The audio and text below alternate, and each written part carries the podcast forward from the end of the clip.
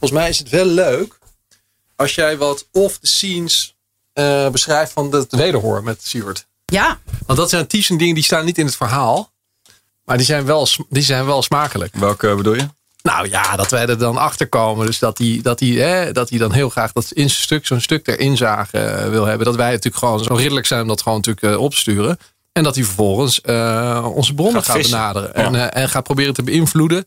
Eh et cetera. En, en dat hij dan ook eh, zegt dat hij dingen kan bewijzen. En eh, allemaal grootspraak. En dat hij dan helemaal Nou, niet... dat moet er wel even in. Want Ik dat zou is het wel echt waar zeggen. we Het is, hem... hartstikke leuk. het is leuke achtergrondinfo over hoe die opereert met journalisten. Ja. Vinden, de, vinden, de- vinden de luisteraars ook leuk, denk ik. komen zeker. geen bewijzen. Zeker. Frederik zit niet al te smullen. Nou, Frederik die weet dat dit nu al opgenomen wordt. Geen tijd om alle stukken van Follow the Money te lezen. Je kunt ook luisteren naar de voorgelezen versies. Ga voor meer audio naar ftm.nl. Wat is er nu weer? Dit kan toch niet waar zijn?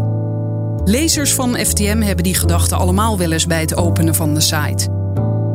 In deze podcast vertellen de auteurs over hun onderzoek en de achtergrond van hun verhaal. Frederik vraagt door. De podcast van Follow the Money. Ik zag vanochtend op Twitter een hond die op het strand een kuil aan het graven was en steeds dieper kwam. Met daarbij de tekst: Wat ik zo mooi vind aan Follow the Money is de gestaagheid van het doorgraven. Inderdaad, dat vind ik ook heel mooi. Daar ga ik straks over praten met Jan-Hein Strop en Stefan Vermeulen. Zij zijn onderweg naar de studio en zij schrijven met z'n tweeën artikelen in het coronadossier. En ik vroeg me net af, stel nou dat je deze podcast over pak een beetje vijf jaar beluistert. Wat moet je dan eigenlijk weten? Want nu zitten we er middenin. Maar dan moet je weten, nou ja, dat gaan we natuurlijk niet echt vergeten. Maar toch, er is een pandemie. We worden bedreigd door een virus. Er zijn mondkapjes nodig. Allerlei handelaren staan op. Dat was in 2020. De overheid probeerde de beste uit te kiezen. Daar ging van alles mis. Een paar mensen werden miljonair. En de rest van de mensen was boos. Want het ging om belastinggeld. Nou, en Jan-Hein Strop en Stefan Vermeulen hebben onder andere achterhaald om welke bedragen het ging. Welke bedragen Siewert en Co. hebben verdiend. 9 miljoen en twee keer 5 miljoen. En ik wil onder andere weten hoe zij aan die bedragen zijn gekomen. Hoe gaat dat graafwerk in zijn werk? Ervaring. Oh, Ja? Maar je hebt zo'n Felix. eh, Nee, nee, eh, check het. het. Hallo Stefan, Jan-Hein, welkom in de podcast. Weten wij over vijf jaar nog wie Siewert is? Stefan. Ik ben bang dat eh, wij er wel een beetje aan bijdragen dat dat wel het geval zal zijn. Dat een van de ja, grote affaires die uit deze coronacrisis natuurlijk gaan, zullen blijven hangen, is ja, die hele mondkapjesdeal van 100 miljoen. En het feit dat Siewert daar 9 miljoen euro van eh, in zijn eigen zak heeft gestoken. Ja, hij is een verpersoonlijking natuurlijk van de, de coronagraaiers. Hij is natuurlijk de allerberoemdste van, van allemaal, zeg maar. Maar Ja, er zijn er meer, dat geef je al meteen Ja, aan. Zeker, er zijn er meer. Er zijn, eh, en we hebben ook een, eh, een beruchte deurwaarder een keer in beeld gebracht. Maar die, die, zijn naam zal niemand meer herinneren. Maar eh, Van Lien had zo'n dik eh, publiek profiel natuurlijk al voordat, eh, voordat het nieuws losbarstte. Ja, iedereen, zo ongeveer iedereen kende die vent. En ook omdat hij natuurlijk met zijn hulptroepen enorm veel publiciteit heeft gezocht. Eh, hè, dus daar kent iedereen hem ook van. Hey, en wanneer stapten jullie in dit onderzoek? Op welk moment, Stefan? Begin Nou, mei. eh, ja, een maand geleden nu ongeveer, denk ik. Ja. Maar ruim een maand. Eh, ja, vrij kort voordat de Volkskrant eh, met een eerste verhaal eh, kwam. Waren Je wij ook begint er al, een eh, ja, beetje wij- bij te lachen, Wij zaten want- ook op dat spoor. Eh, we werden toen eh, ja, rechts ingehaald eh, door de krant die daar een, een eerste artikel over schreven. En dat is als journalist nooit zo leuk, hè? Wij zeggen chapeau, Volkskrant, goed gedaan. Want wij hebben natuurlijk, eh, we zijn sportief zoals dat heet. Hè? Maar hebben jullie Altijd even, sportief, zeker, zeker. hebben jullie even in, je- hebben in ze je goed hand gebeten toen jullie dat hoorden of zagen? Ja, een beetje wel, ja. Zeg ik eerlijk. We, we hebben het als motivatie gebruikt om ons eigen onderzoek eh, goed uit te voeren. Oké, maar even voor de tijdslijn. Inderdaad, de Volkskrant kwam naar buiten met het feit dat deze deal gesloten was door het ministerie. Ja, want daar was natuurlijk, eh, Jan Heijn zei het net al eventjes, Siewert heeft eh, heel publiekelijk zich opgeworpen als een redder in die coronacrisis natuurlijk. Hij heeft geroepen, we hebben die hulptroepen. We doen dat zonder winstoogmerk. Eh, wij leveren mondkapjes aan de zorg. We halen ze zelf uit China. En Volkskrant had het eerste artikel waaruit bleek dat zij gewoon één grote overeenkomst met het ministerie hadden. 100 miljoen euro kregen ze. Hadden ze 40 miljoen mondkapjes voor uit China. Ehm, en een pikant detail natuurlijk, eh, dat gebeurde niet via die eh, stichting zonder winstoogmerk, maar via een commerciële BV, waarbij dus de suggestie nog nadrukkelijk aanwezig was, ja, dat ze daar geld aan verdiend hadden.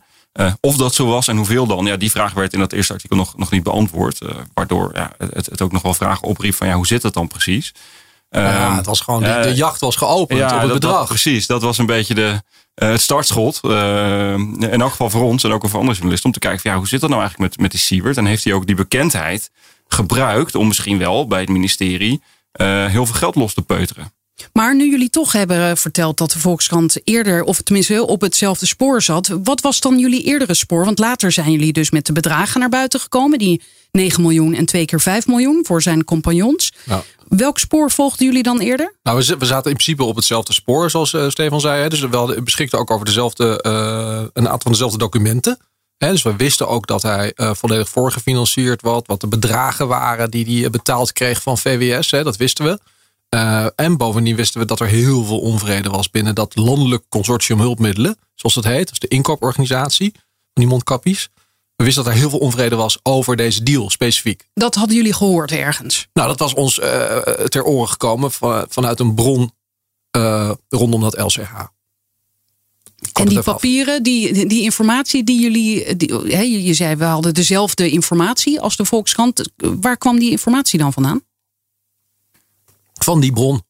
Eén bron. Ja, dat begon met één bron. Dat is daarna natuurlijk uitgebreid. We hebben daarna veel meer bronnen eh, gekregen. Maar het begon er met één. En hè, dus dat, dat is de start van het eh, eh, verhaal geweest. Maar dat was zo'n. Dat was zo eh, ja, informatierijk. Hè? Zo, zoveel informatie. Dat, dat we daar. eh, dat er heel veel lijnen in zaten. Heel veel eh, materiaal om op door te researchen. En was dat eh, dankzij of ondanks het ministerie? Want ik heb begrepen dat het ministerie van VWS eh, ongeveer een jaar achterloopt met het verstrekken van informatie aan journalisten. Ja, dit is niet via de officiële weg uh, want via dat het kan dan ministerie dus bij ons haast gekomen. niet. Nee. Nee. nee, dit is niet op basis van een WOP-verzoek of iets dergelijks. Nee, dat is, uh, nee, dat is op een andere manier ja, gelekt, zou je kunnen zeggen. Ja, nou jullie kijken mij alweer aan op die beke welbekende manier. Zo van, daar gaan wij verder niets over zeggen. maar over dat VWS, waarom lopen zij een jaar achter? Wat, wat is dat? Ja, crisis. Hè, we hebben lekker de WOP, de WOP, de wet openbaar bestuur, onhold gezet. eh, En dat kan dus. Nou, dat kan ik eh, schrik genomen. Juridisch kan het helemaal niet. Hè, dat is eigenlijk belachelijk. Ze houden zich gewoon helemaal niet aan de wet. Maar ze zeggen gewoon, nee, jammer voor jullie, het is crisis. Ja, en we maar slikken. te, te druk met uh, levens redden. Dus we kunnen hier niet uh, gewoon uh, ja, de normale informatievoorziening kan niet doorgaan. En, dat, ja. en druk met het spekken van de kassen van uh, zekere ondernemers die om, om, niet, om niet zouden werken, hè, zonder winstoogmerk. Maar is hier iemand, uh, de, kijk jullie balen daarvan, maar komt er iemand echt in opstand of heeft er iemand een zaak aangespannen tegen VWS? Voor zover wij weten. Voor zover ik weet niet. Niet, nee, er wordt wel nee. gespeculeerd. Hè? Wat zijn nou de juridische mogelijkheden? Misschien komen we daar nog over te spreken van, uh, zo direct. Loop wat op de zaken vooruit. Hè? Maar, uh, nou nee, zeg, nou, kijk, zeg wat maar wel meteen. echt zo is, is dat er natuurlijk heel veel hele belangrijke besluiten moesten worden genomen vorig jaar. En ook uh, later ook nog wel. Dus, dus er speelt natuurlijk heel veel. Het is echt wel uh, op de tenen lopen daar. Dus in die zin is het hè, dat alles misschien uh, de WOP-procedures duren altijd lang, maar dat het hier misschien even, hè, daar zou ik best wel begrip voor zijn. Alleen hier heeft het ministerie volgens mij echt in heel vroeg al in de crisis gezet. Gezegd, ja, wij gaan nu de WOP, verklaren wij feitelijk voor uh, niet geldig. Ja, dat, dat, kan natuurlijk eigenlijk niet. En dus normaal daar, gesproken duren die procedures zes of acht weken of zo? Ja, voordat je een eerste antwoord hebt. En dan het eerste antwoord is doorgaans een afwijzing. En dan uh, kun je daar tegen in, in, uh, bezwaar maken. En dat gaat er weer vier tot zes weken overheen. Nou, dus die, die, die termijn die, die overschrijden ze dan vervolgens ook weer heel vaak. Hè? Ik ben nog met één WOP-verzoek van een, bij een oud werkgever mij bezig. Die, dat loopt inmiddels een jaar of vijf, zes geloof ik. En hebben we in, in, de loop van der tijden wel wat stukken gekregen. Uh, maar er zijn weer steeds uh, ja, uh, beroepsmogelijkheden. Dus dat kan echt ja, heel lang doorgaan. Maar de jacht op stukken is ook ingezet door de Kamer. Dus dat is wel goed nieuws. En er is een en ander naar boven gekomen. als deze partijen echt het tot de onderste steen boven willen hebben. Dan, dan komt er nog wel het een en ander aan stukken. Ook omdat er nog een forensisch onderzoek loopt. Onder meer naar deze deal met Siewert. En de Kamer die ook op jacht gaat naar deze documenten, welke middelen hebben zij dan eigenlijk? Kamervragen stellen natuurlijk in eerste instantie. Nou, dat is eigenlijk het belangrijkste. En dan kan het ministerie niet zeggen, ja, sorry, dat staat even onhold. Nee, want nee, dat, dat, dat, dat kan niet. Want de Kamer heeft een grondwettelijk recht op informatie. Dus als zij, artikel 68 van de grondwet, dus als zij op een gegeven moment met z'n allen zeggen, wij willen nu die stukken. Dan, dan, dan, kan, dan kan het kabinet dat in principe niet meer uh, achterhouden. Hoewel het natuurlijk wel vaak geprobeerd is. De Rutte-doctrine kennen we allemaal. Hè, maar we zullen, ik hoop dat er een nieuwe cultuur is, zo langzamerhand. Hè, een nieuwe bestuurscultuur. Ja, nou, zo snel kiezen- gaat dat niet, lijkt me. En dat ze nu kiezen voor openheid. Bovendien denk ik dat die Tamara van Ark, de huidige minister van Medische Zorg eh, van VWS, dat die, eh, ja, die heeft die deal niet zelf gesloten. Die kwam eh, later pas op het toneel. Dus ik kan me niet voorstellen dat zij er heel erg veel belang bij heeft om zichzelf helemaal de soep in te draaien op dit dossier. Want dat was eh, Van Rijn die Ja. de deal sloot. Hè? Marten van Rijn, PvdA, is eh, vanaf eh, ja, tweede helft maart eh, drie maanden lang op persoonlijke titel teruggekeerd in het kabinet. Het kabinet waar de PvdA natuurlijk een deel van uitmaakte. Om ja, deze crisis te helpen bezweren. Maar wat ik interessant vond over wat net gezegd wordt, is dat het feit dat die procedures, dat het zo moeilijk is om informatie te krijgen voor journalisten en ook voor Kamerleden, er ook wel aan bij heeft gedragen. Dat ja, op een gegeven moment daar natuurlijk, hè, daar leeft bij ambtenaren, eh, bij, bij eh, mensen uit het consortium hulpmiddelen en dergelijke, daar leeft natuurlijk ook onvrede. Van, ja, er zijn hele eh, kwestieuze dingen misschien wel gebeurd. Daar komt heel weinig over naar buiten vooralsnog. Dus daar ja, zijn toch ook wel personen gemotiveerd. Dat, dat geldt ook voor onze eerste bron. Van, ja, die, die vond dat het belangrijk was dat daar iets meer over bekend werd. En zo ja, gaan mensen dan toch de onofficiële paden bewandelen. Ja, en dan vraag jij misschien af, Frederik, welke stukken er nog boven tafel moeten komen? Jongens, welke stukken moeten er nog boven tafel komen? Vraag ik me opeens af. Goeie vraag. Wat, wat ik, waar ik bijvoorbeeld eh, al een tijdje eh, eh, heel erg graag mijn hand op zou willen leggen, is de e-mailcommunicatie van het landelijk consortium hulpmiddelen met de top van VWS, het ministerie. Eh, er is buitengewoon veel onvrede geuit in die richting. Dat weten we. We weten ook dat er e-mails en officiële bezwaren zijn geuit. Ja, laat maar zien. Het wordt tijd dat dat boven tafel komt. E-mails eh, vanuit het landelijk consortium hulpmiddelen, eh, dat echt verantwoordelijk was uiteindelijk voor al die beschermingsmiddelen hier naartoe halen. Die hebben natuurlijk heel veel gedeeld en gewield met, met, met VWS en met die topambtenaren. En, en ook wel met die minister, vermoed ik. Die hebben ook met elkaar aan tafel gezeten. Dus daar moet van alles zijn besloten. Er moeten dingen zijn vastgelegd in nota's, gespreksnotities, noem maar op. En dus Want daar dat klonk juist goed. Hè? Dat er een, speciaal, een speciale groep is samengesteld met mensen die hier verstand van hebben. Om te zorgen dat alle deals zo goed mogelijk gingen. Ja, en er waren dus geen ambtenaren, hè, voor het goede begrip. Dat waren dus mensen uit het bedrijfsleven, dus logistieke partijen, zorginstellingen. eh, eh, de- nou, wat, wat, wat nog meer? Eh, Ja, KLM uiteindelijk inkopers ook. van ziekenhuizen. Ja, Eh, inderdaad, een reeks zorgbedrijven, eh, logistieke bedrijven. Dus dat was echt een, echt een consortium. Eh, waarbij regie van VWS. Onder regie van een, een, een van de hoogste, een hoge ambtenaar van VWS, eh, Mark Frequent, die we ook in ons stuk van vandaag eh, gesproken hebben. Ja, daar, daar komen we inderdaad komen we zo. zo even op terug. Zij hebben onder andere, dat hebben jullie weer in een ander stuk geschreven, meen ik, eh, geadviseerd om niet met Siewert en Co. in zee te gaan. precies. Nou, Ja. Daar refereerde ik aan. Dus al die, al de, de documentatie die er moet zijn van dat verzet. Hè, dus we hebben echt gezegd. Maar dat is eigenlijk al bekend, dus waarom wil je dan die mailwisseling nog zien? Nou ja, omdat we natuurlijk wel heel benieuwd zijn wat de reactie dan is, ook van VWS daarop weer. Van waar- waarom ze dan toch, dat is natuurlijk de hamvraag, waarom, dan, waarom dan met die Siewert in zee? Terwijl er, zij zeiden, er zijn meer dan genoeg mondkapjes. Als je dan toch gaat inkopen, hebben we betere aanbiedingen liggen van leveranciers die we wel vertrouwen. Waarom dan met Siewert? Terwijl, toen ik vandaag dacht, ja, alle pijlen zijn nu gericht op Siewert. Maar zoals jij al eerder zei, er zijn veel meer mm, eh, handelaren geweest. En die zijn er nog. Sterker nog, het eerste stuk hierover van Follow the Money ging over een hele andere ondernemer die 38 miljoen heeft verdiend. Die, dat Klopt. heb jij geschreven, Stefan, met Dennis Met Mijnheer. Dennis, klopt, ja. Eh, dat was inderdaad een, eh, een, een ondernemer, ik ben vergeten wat hij precies deed, uit, uit de buurt van Nijmegen. Ja, verpakkingsmaterialen. Ja, klopt. Handelaar in verpakkingsmaterialen. Dus die had ingangen in China. Eh, had geen enkele ervaring ook eh, met mondkapjes. Heeft eh, daar een opdracht gekregen, 38 miljoen euro, om ja, mondkapjes aan Nederland te leveren. Ehm, ja, dat was ook een hele rare deal. Want ook daar bleken ook, net als bij Siewert, de mondkapjes. bij hem bleken ze helemaal niet bruikbaar. Dus die mondkapjes zijn ook niet ingezet in de zorg. Losse elastieken, ja, ik weet het. niet. Het scheve paste allemaal niet goed. Die fit was ja. niet goed. Dus die man kreeg een groot deel van die mondkapjes terug. Alleen het geld mocht hij houden. En toen heeft het ministerie gezegd van ja, probeer het maar. Hè, dat was een soort van afspraak. We proberen ze wel op de Duitse markt te brengen. Ja, dat vond ik ook zo. best Van, bijzonder is, wij keuren ze af, ze maar voor de Duitsers zijn ze goed genoeg. Nou ja, en dat was dan wel misschien voor de consumentenmarkt kan het dan. Hè, dat mondkapje dat je in de Albert Heijn op hebt is weer iets anders dan, dan Oh, in, in verpleeghuis, oh, dan eh, valt het nog mee. dus Want ik dacht even van als, als het ministerie, want dat staat er ook gewoon doodleuk in dat stuk. Toen dacht ik van hier is ook niemand boos over geworden. Nee, dus dat het ministerie, eh, dat is op, ik vond het opmerkelijk dat ze daaraan meewerkten. Maar het belangrijkste was dat ze zeggen, ja, die man die mag proberen ze in Duitsland eh, te verkopen. Dus ze waren geloof ik iets van 8,5 miljoen euro waard. Of 8,5 miljoen kapjes, even dat in het midden. Dat was in elk geval echt miljoenen waard. Uh, als het hem zou lukken om te verkopen, dan, werd dat in, uh, dan had hij al inkomsten. Dus dan hoeft het ministerie hem minder te betalen. Als hij ze niet zou verkopen, mocht hij mondkapjes houden. En het geld dat hij van de Nederlandse belastingbetaler had gekregen. Dus we gaan ook de slechte ondernemerschap belonen. Nou ja, deze ondernemers die hebben dus blijkbaar contracten kunnen sluiten met, met het ministerie. Waarin ze gewoon, ja, alle voorwaarden waren gewoon enorm gunstig. En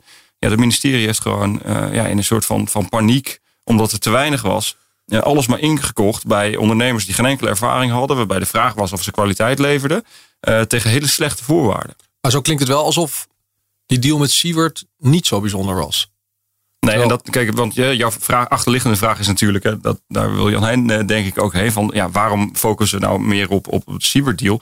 Uh, essentieel verschil is natuurlijk dat Siewert uh, Siewert van Linden, uh, we noemen hem Siewert, maar laten we even zeggen.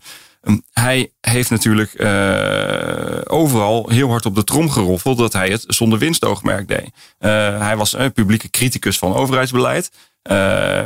hij heeft waarschijnlijk zijn bekendheid speelde een rol. Dat heeft een topambtenaar die we spraken, die zegt ook van ja, dat heeft er echt wel mee te maken gehad dat hier een hype was en dat hij heel hard riep van ik ga helpen. Um, hij kreeg dat geld op de belofte dat hij er geen winst mee maakte. En dat is, kijk, die andere ondernemers kunnen we ook van alles van zeggen. Maar ja, dat zijn nou, ondernemers. Ja, oké. Die waren ook niet volledig voorgefinancierd, neem ik aan.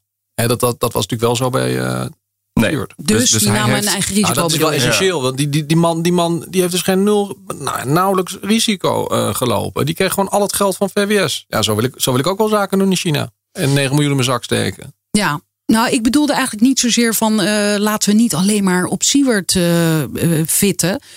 Of het gaat meer om de vraag: wat is er nou allemaal mis bij het ministerie? Ja, nou ja, dat is ook een belangrijke motivatie om op juist dit dossier nog eens door te gaan. Omdat hier die vraag gewoon heel erg duidelijk op tafel lag. En we hebben vorig jaar in maart is daar een speciaal consortium hulpmiddelen opgericht. Met de beste inkopers van dit land. Die samen moesten kijken van oké, we gaan dat tekort aan beschermingsmiddelen. isolatiejassen, mondkapjes, weet ik veel wat, allemaal oplossen. Uh, daar was tegen de helft van april was dat wat betreft de mondkapjes echt, echt opgelost. Um, en toen is daar nog eens een keer die hele 100 miljoen deal met Siewert doorheen gekomen. Op het moment dat dat consortium zei, we moeten dit helemaal niet meer doen. En zoals Jan net zei, van als je het dan wel doet, doe het dan met andere partijen. Uh, dus hoezo is daar dan, en daar hebben we natuurlijk eerder al uh, een stuk geschreven, dat uh, ja, Siewert van Lienen en zakenpartners ja, een enorme voorkeursbehandeling hebben gekregen. Ook vanwege de politieke connecties die hij had. Um, maar ja, daar, dat is toch wel echt een belangrijke vraag van, ja, hoe gaat die besluitvorming dan binnen de top van zo'n ministerie? En dan heb je een kringetje van een aantal topambtenaren, twee ministers, de minister van Medische Zorg minister van Volksgezondheid Hugo de Jonge, die er eigenlijk iets minder mee te, direct mee te maken had. Um, binnen dat kringetje wordt dan besloten van zo'n deal van 100 miljoen euro. Ja, let wel, hè, Siebert van Linden slaagt erin om zeker twee keer een persoonlijk onderhoud te hebben met die minister van Rijn. Nou, maar mij niet wijs dat al die andere importeurs ook uh, dat soort uh, aandacht kregen. Uh, hij zegt zelfs vijf zelf, zegt hij zelfs vijf keer. Ja, vijf keer. Zonder, ja. voor, helaas zonder enig bewijs. Hè. Dat is zijn we natuurlijk gewend inmiddels. Maar uh, dat claimt hij ja. ja. Ja, dus we kunnen stellen dat uh, mensen op het ministerie onder de indruk zijn van BN'ers. Ja, nou dat is, dat is wel wat wij horen. Dat, het echt, dat mensen echt gefrappeerd zijn dat je in Nederland, als je een beetje bekend bent van televisie, hoezeer dan de deuren voor je open gaan. Ja, dat is toch wel heel frappant. Nou ja, en dat zegt ook iets belangrijks over hoe deze crisis gemanaged is. want het kabinet en ook dus de ambtelijke top daaromheen heeft in die uh, beginfase gewoon heel erg gestuurd op de publieke opinie. Van wij willen niet dat Nederland de indruk heeft dat wij het niet goed doen. Weet je, dus als daar een, een, een jongen van 29 destijds uh, kritisch is in een talkshow, ja, dan gaan er gewoon deuren open. Ja, dat is vrij verbijsterend. Een jongen zonder enige ervaring met mondkapjeshandel, laten we wel zijn toen. Het was het was, het, het was een grote mond vooral. Uh, hij schermde met, natuurlijk met die alliantie met KLM. Maar die had hij dus helemaal niet. Ja, want dat is wat jullie vandaag naar buiten hebben gebracht. Hij uh, had ook allerlei partners waarmee hij dit heeft geregeld. Ja, het heette, het heette niet voor niets de Stichting Hulptroepen Alliantie. Precies, en in die alliantie zat volgens Van Linde ook de KLM. En zij ontkennen dat. Ja, maar echt keihard ook. Ik bedoel, uh, echt, echt gewoon tot het rijk der fabeltjes verwezen. Echt definitief. En Ehm, ja, dat, dat, hij heeft daar gewoon, hij heeft dat tot, tot, tot, tot in mei of en nou zelfs later nog, hè, heeft hij dat toch beweerd dat hij KLM in die alliantie zat. Eh, Maar nu is het logo van KLM van de site gehaald. Dat ja, was toch dat geloof ik wel, maar dat is al Nou, dat schrijven jullie. Ja, dat klopt. Eh, dat, nou, dat zegt KLM. Ja, dat klopt. ik heb mijn stuk niet meer uit Dat hebben jullie toch wel gecheckt, hoop ik. Nee, dat hebben we zeker gecheckt. En eh, dat is zeker ook gebeurd. Ehm, maar het is, hè, zoals veel hiermee, ehm, gebeurd op het moment dat daar natuurlijk over eh, eh, publieke aandacht over ontstond door, door artikelen. Toen is daar, Ja. en, en we hebben dat KLM ook gevraagd. Goh, ja, gaan jullie nou actie ondernemen? Want ze hebben daar, we hebben een hele reeks eh, presentaties, e-mails, noem maar op. Waarin zij de hele tijd schermen met, met KLM. Waarin hij heeft zijn tweets ook verwijderd. Hè, met, hij heeft eh, tweets uit die tijd verwijderd. Hij, hij schermde ook met persoonlijk contact met eh, Pieter Elbers, de CEO van KLM. Nou, hebben we ook nagevraagd. Ja, KLM, die heeft, hè, dus hij komt eh, in hogere kringen, maar deze heeft hij niet bereikt. Dus hij is wel op de Eh. koffie geweest bij Van Rijn, maar niet. Nou, hij heeft, hij, is, hij heeft contact gehad met een, een, de directeur cargo van KLM. Die, die zit in de directie van KLM Nederland. Contact, dus, eh, Dus ja, daar aan de telefoon of Dat weet ik niet. Of het, dat weet ik niet. Telefonisch Telefoons contact. als uh, één op één contact. eh, Ja, en daar heeft hij dus een plan eh, neergelegd van wij willen dus dat die luchtbrug, et cetera, we willen dat met KLM gaan doen. En dat heeft tot een afwijzende reactie geleid. Want dat gaan we niet doen. We gaan alleen met het LCH, dus dat inkoopconsortium zaken doen. Alleen voor de overheid. Dat was de uitkomst van dat eh, gesprek. hoe vaak hebben jullie eigenlijk contact gehad met hem, met Van Linden? Eh, nou, de laatste maand meer dan me lief is, moet ik zeggen. maar dat is, ja, kijk, wij schrijven hier natuurlijk over en wij doen dat toch wel behoorlijk met open vizier. Eh, dus wij, ja, bij elke vraag die we hebben, nemen we gewoon contact op en dan bellen we. En dat gaan we niet, is niet vier keer per dag, maar eh, ja, ruim voordat wij eh, tegen een deadline zitten, nemen we contact op. En, eh, of telefonisch, of we- mailen een paar vragen. eh, Hij wil alleen nog maar per mail de vraag ja, aanvankelijk was het per mail en later eh, ging het ook wel vaker telefonisch. En ja, het, het En essentieel hoe is zijn daarin- toon dan? Nou, het, het bijzondere is wel dat eh, hij blijft aardig. Hij blijft gewoon on speaking terms. Ehm, hij suggereert en zegt ook wel letterlijk dat onze stukken van A tot Z niet kloppen. Eh, nou, daar wil je natuurlijk bewijs zien. We hebben natuurlijk dat artikel over zijn alliantie met KLM. Eh, dan zeggen wij, we hebben eerst een reeks vragen voorgelegd. En dan belt hij op, zegt ja, daar klopt helemaal niks van. En dan kan ik ook bewijzen. Ik heb hier een mailtje voor me. Nou, ik kan zo bewijzen dat het niet klopt. Nou, dan zeg ik van ja, dat mailtje wil ik wel even zien.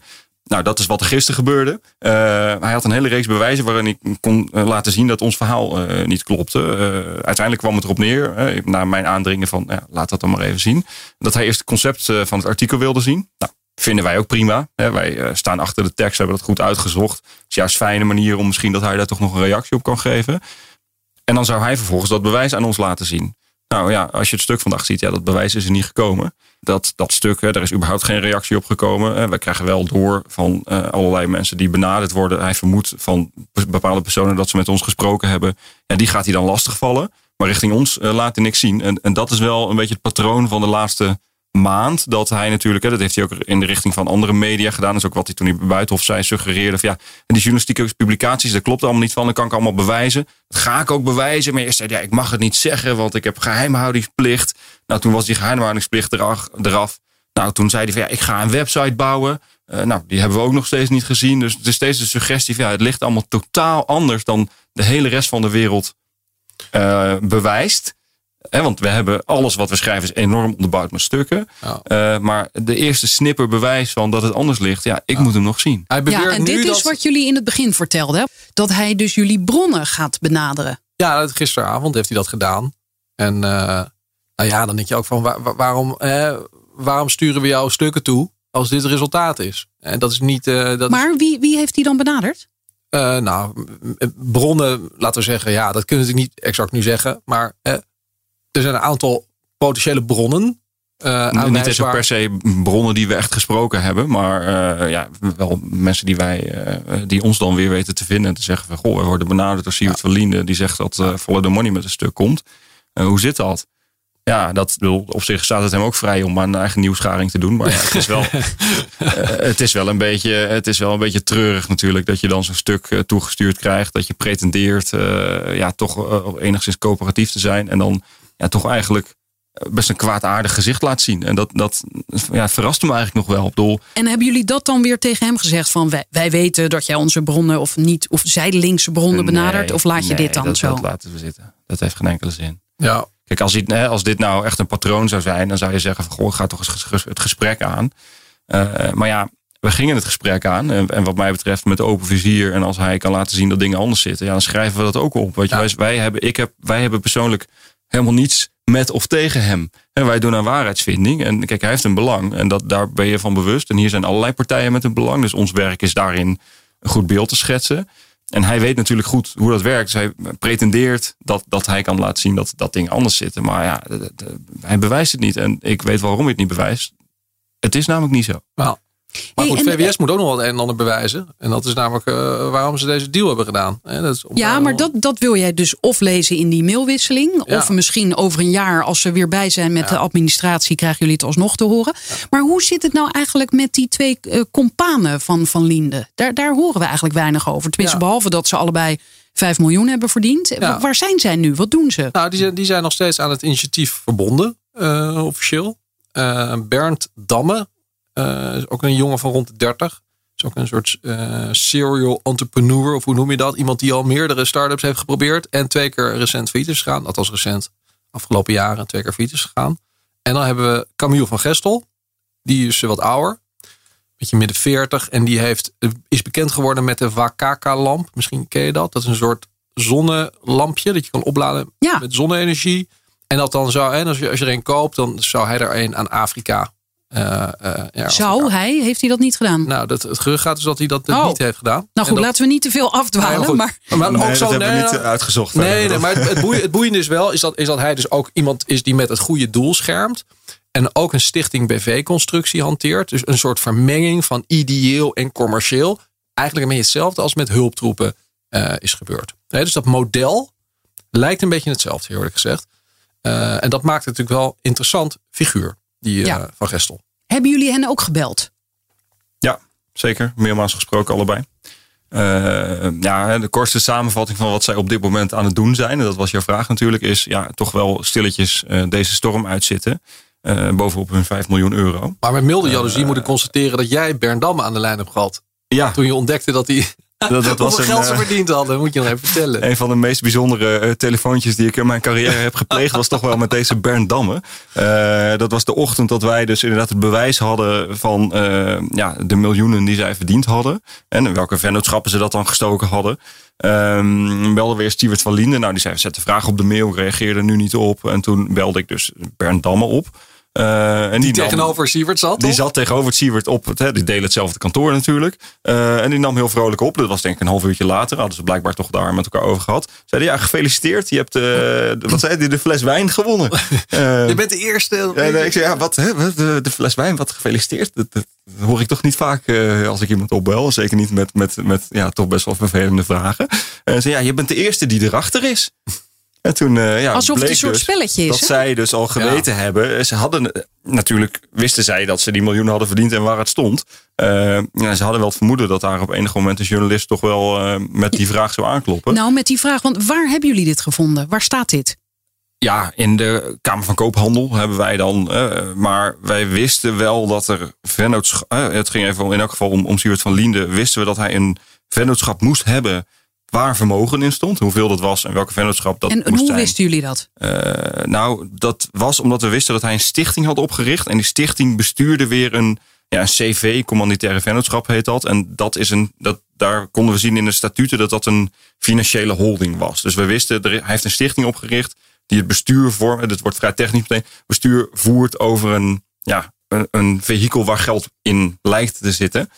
Maar we Ehm, wisten niet hoe en dat we- nee, we wisten niet hoe, dat, hoe die vennootschap heette. En daar zijn we dus op een gegeven moment op een maandagochtend eh, hebben we de tip binnengekregen. Toen wisten we dus welke ven, eh, hoe die, de naam van die Is dat, vennootschap. het- de dat het vennootschap- VOC-schip? Ja, de Ja. duifken. Ja, en het mooie is daarvan, dus dat, dat is een schip dat is vergaan.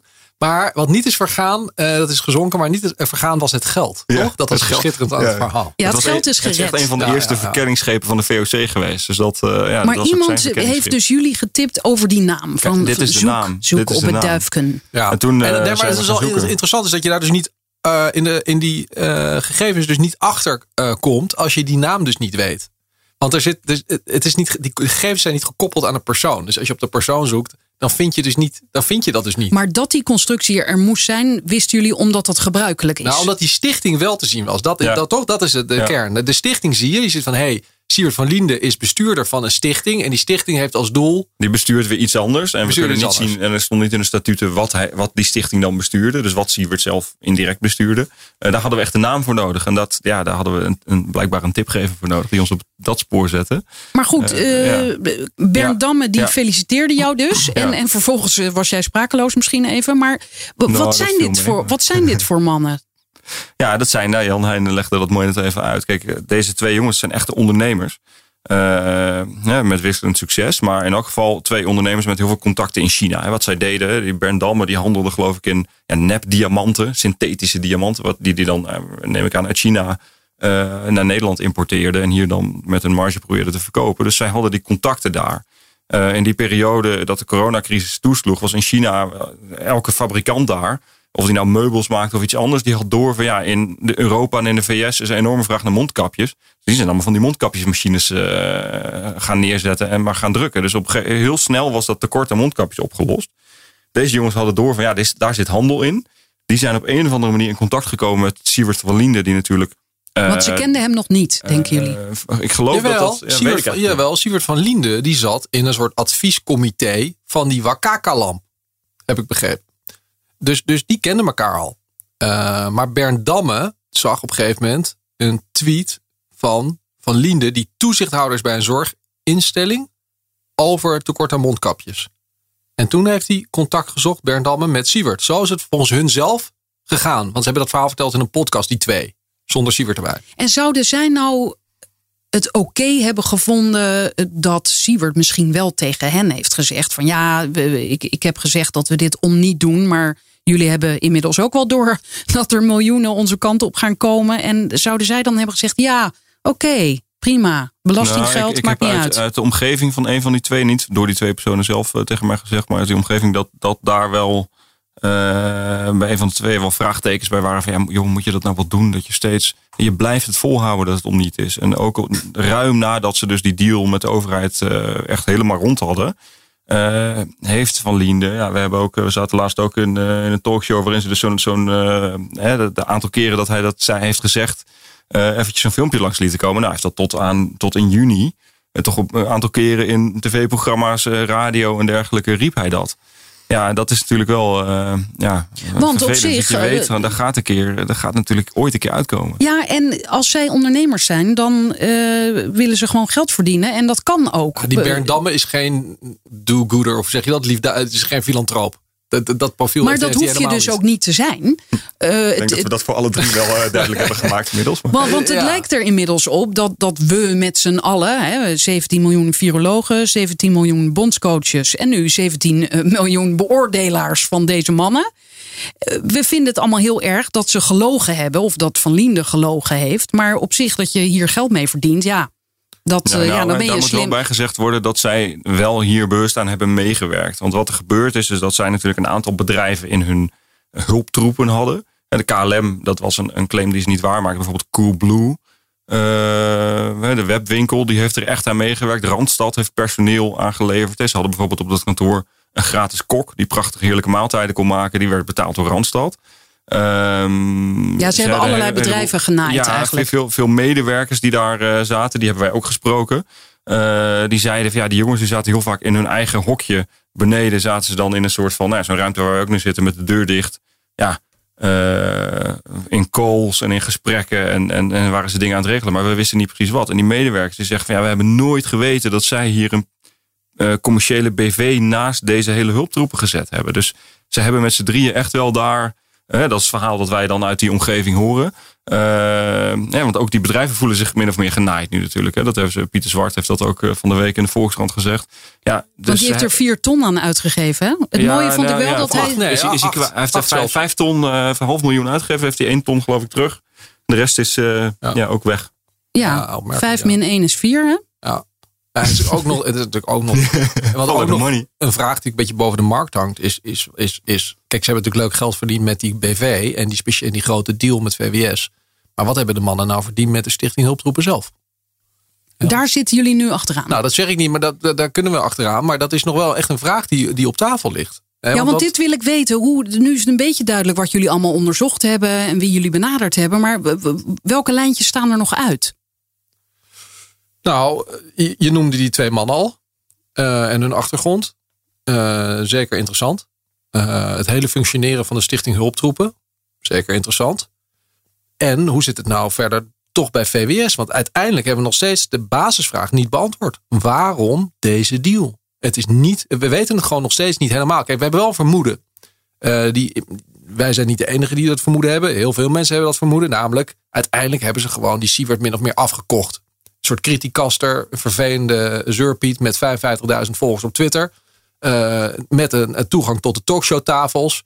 Uh, nou, laat, laten we een deal doen met die vent. Dan zijn we van zijn gezeur af. En ehm, ja, ik vind, dat wel, eh, ik vind dat wel een dure afkoopdeal. Laat ik zo Ja, zeggen. Ja, we, zijn, we zijn er wel heel dichtbij dat dat echt wel eh, misschien wel de belangrijkste reden is geweest, denk ik. Maar dat is ook een, eigenlijk een hele, Pijnlijk natuurlijk voor Ja, pijnlijk, voor- maar voor- ook een voor- hele, voor die politiek om dat te moeten toegeven. Dus ze draaien heel daar nog onbenullig allemaal. Ja, en, de andere, en de andere optie is natuurlijk gewoon echt dat, het, dat de deal echt volledig corrupt is. Dat is de andere optie die op tafel nog ligt. Nou, wat is daarin eh, de rol? Eh, Onlangs was er een, eh, een stukje over eh, een van de topambtenaren van VWS, die of al afscheid heeft genomen of binnenkort weggaat.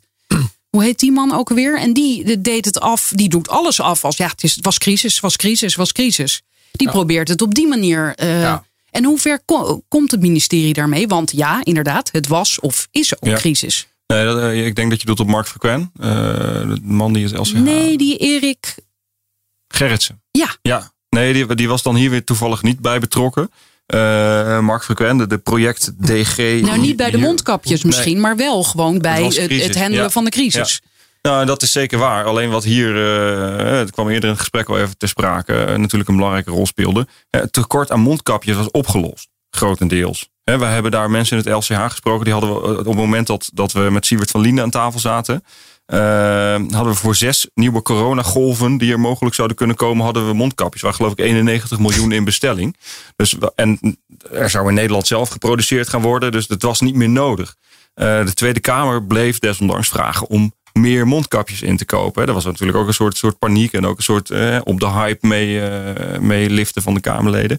Maar dan is juist aan zijn ministerie, die hebben dus een inkoopconsortium ingesteld. Daar zitten mensen die even rustig moeten nadenken. En die hadden gewoon de minister opdracht kunnen geven om aan de Kamer uit te leggen. Ja, we hebben voor zes coronagolven kapjes. Het is nu wel even genoeg. Eh, op dat moment is daar toch nog eh, deze deal gesloten. En daar is inderdaad eh, de, de, de hoogstverantwoordelijke ambtenaar Mark Frequen die wij spraken. Die zegt nu van ja, dat, dat, hij heeft er echt mee te maken. Maar woord gebruikte hij, Siewert tamboureerde Ja. veel Ja. in de media. En eh, ja, daar hadden we last van. Ja, En, hij heeft de eh, schijn hij gewekt heeft- dat, de eh, ja. overheid, dat is wel goed om te zeggen, hij heeft de schijn gewekt dat de overheid niet in staat was om die beschermingsmiddelen naar Nederland te halen. Maar dat is natuurlijk niet waar. Want, want eh, eind maart was dat consortium opgericht. De deal met KLM kwam eh 23, 24 maart kwam rond voor de luchtbrug. En vanaf dat moment werd er als een idioot spullen ingevlogen. Nou ja, en die kerel die je aan het begin noemde van die verpakkingsmaterialen, die heeft ook weliswaar een partij die later werd afgekeurd. Maar die had het ook al lang aangetoond Tuurlijk. dat je mondkapjes kon bestellen. Je kan het, kijk, je kan natuurlijk gewoon cargoruimte inkopen. En, en, en dozen op een vliegtuig zetten. En die, dat- oké, die cargoruimte was wat schaars. Het, moest, het ging op chartervluchten toen eh, vooral. En niet, hè, er waren natuurlijk weinig passagiersvluchten. Maar dat kon. En, en daar zijn allerlei mensen die dat ook gedaan hebben. Hè, dus, dus, maar de hoeveelheden die het LCH wilden halen, dat leende zich daar niet voor. Daar hadden ze die luchtbrug voor nodig. Nou, die was super succesvol. Hebben ze, in no time hebben ze dat neergezet en gingen ze vliegen. Maar Siewert van Linden, die deed net alsof de overheid niks kon. En die claimde, het is mijn luchtbrug. En ik heb de luchtbrug, is mijn idee. En ik heb hem nog ook eh, vervolgens riep hij, terwijl hij hem, terwijl hij hem helemaal niet had.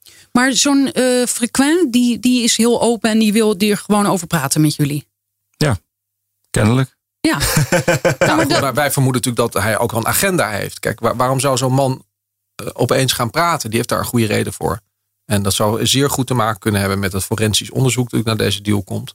Eh, en het, het waarom van de handtekeningen, daar hebben we vandaag ook nog niet over gehad. Hè? Dus dat Stuart van Liende privé heeft getekend voor een non-profit. Om deel uit te maken van het consortium met zijn deal. Daar hebben ze hem toe gedwongen. Eh, dat heeft hij ondertekend. Oh ja, en dat kan nog, eh, daar kan nog uitkomen dat hij kan zeggen: ja, ik heb privé getekend en niet met mijn BV, dus ben ik onschuldig. Ja, soort dat van. is juridisch wel echt kwestieus of dat houdbaar is. Maar het is- hij heeft niet voor niets benadrukt dat hij alleen als privépersoon heeft ondertekend. Dus hij voelt, hij, hij weet wel dat dit juridisch van betekenis is. Nou, sterker nog, toen ik dat las, dacht ik, jullie geven hem een tip. Van als je dit nou gaat zeggen, dan Nou. kan je je handen wassen in de onschuld. Ja, Nou, eh, deze jongens zijn slim genoeg, die hebben er hier natuurlijk wel over nagedacht. Eh, Nou, Nou. kijk, wat, dit, dit gaat er echt wel eh, een van de dingen zijn waar. eh, dit krijgt nog een staartje, dit hele verhaal natuurlijk. Hè, want Jan Heijnen noemde het even. Er is een forensisch onderzoek wat al liep.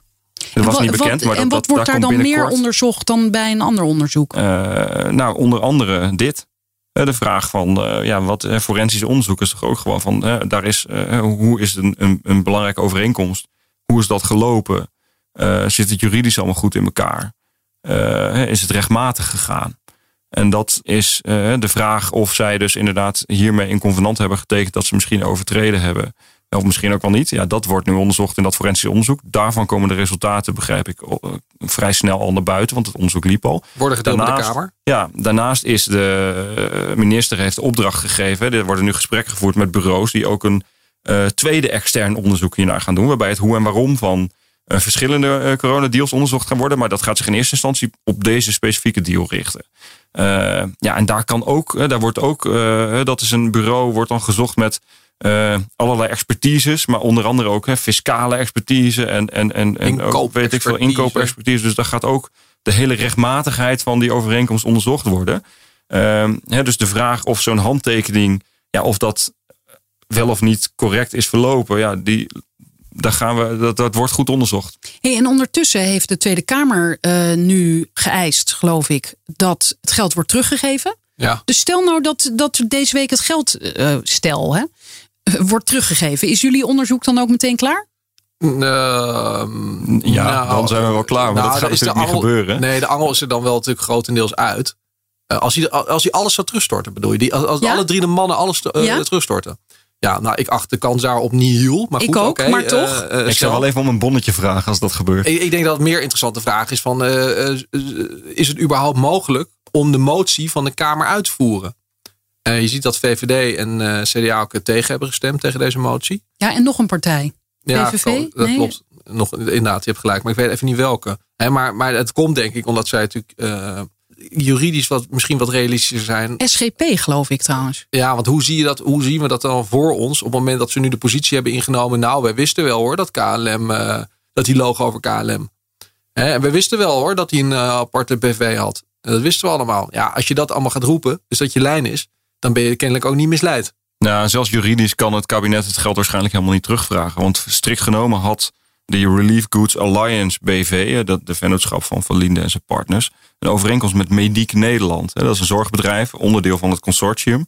Eh, dat was strikt genomen de, de, de contractpartner. En die zijn weer gefinancierd vanuit VWS. En dus dat was juridisch gezien Ja, natuurlijk oké, een maar dan ingewikkelde... zouden ze het aan Mediek moeten terugstorten. Nou, en die Ja, zaten ook dit- dus samen in dat convenant, wat, wat hij privé heeft ondertekend. Maar let op, VWS is geen contractspartner van dat convenant. Heeft dus niet dat convenant ondertekend. Die ondersteunen het wel, maar eh, dus het maakt het ook lastig. V- eh, de- eh, als hij onrechtmatig heeft gehandeld in strijd met het convenant, heeft hij dat niet gedaan jegens VWS. Ja, het is een ingewikkeld verhaal, maar het komt erop neer dat de, die motie leidt er niet toe dat ze dit geld terug moeten betalen. En Je kan net zo goed een vliegtuig, vliegtuigje laten vliegen Nou, met van en- geef het geld terug. Maar dat, Nou, eh, het is, dat niet even hele, het is zo zeker is het natuurlijk niet. Het kan natuurlijk nog steeds zo zijn dat, dat, die toch, eh, dat er toch mensen echt om de tuin zijn geleid. We moeten dat onderzoek daarvoor afwachten. Maar volgens hè, lijkt erop volgens nog van niet. Nou, en volgens mij is het antwoord niet, ja, dan zijn we, als dat zou gebeuren, dan zouden we klaar zijn. Nee, want jullie willen dus ook de hele rol van het ministerie juist eh, doorlichten. Ja, nou dat... eh, Was het verkeerde antwoord? Sorry? Verkeerde, we hebben het verkeerde antwoord gegeven, shit. nou, waarom dit ook belangrijk is. Kijk, de Rekenkamer heeft ook eh, onlangs een rapport uitgebracht... waarin zeer kritisch is gesproken over de bestedingen tijdens de coronacrisis. Eh, een bedrag van eh 5 miljard euro. En er zat wel echt van alles zat daarbij. Dus, dus eh, dat, dat is wel echt een, nou, een soort van allesomvattend bedrag dat genoemd is. Ehm, waarbij niet volledig duidelijk is eh, ja, hoe dat geld besteed is. Dat niet vanuit het ministerie eh, dat de controle tekort schoot op de bestedingen. Eh, dus dat daar gewoon ja, eh, geld is uitgegeven waarbij niet helemaal duidelijk is eh, bij wie het terecht kwam en waarom het er kwam enzovoort enzovoort. Eh, dat is gro- het grotere thema. En het, het verhaal van Siewert van Lien is natuurlijk echt een casus die dat heel erg schetst. Een, een hele op zichzelf staande casus tegelijkertijd ook wel weer. Maar eh, nou ja, het grotere verhaal Zou er ooit een, gaan we eh, nog verder naar kijken. Ja, zou er ooit een parlementaire enquête zelfs hier naar gestart worden? Nou, dat, dat, dat, dat is de verwachting van iedereen. Ja, dat, dat is bijna onvermijdelijk. Als je ziet, ook, oh, zeker van, juist vanwege zo'n rekenkamerrapport, waar dat er zoveel is misgaan, dat, dat is natuurlijk extra reden voor accountability en voor, voor zo'n voor zo'n onderzoek. En, en ja, als, als, als al die stukken niet boven tafel komen nu, omdat zo'n WOP stil ligt en eh, het het parlement niet goed geïnformeerd wordt, dan maar via dan zo'n middel, eh, zou ik denken. Oké, bedankt. Graag gedaan. Graag gedaan. Dit was het, hè? Geen, eh, geen vragen meer. Ja, maar is lang genoeg. Tot zover deze aflevering van Frederik Vraagt Door. Wil je meer horen en lezen? Ga naar ftm.nl en krijg ons een maand op proef.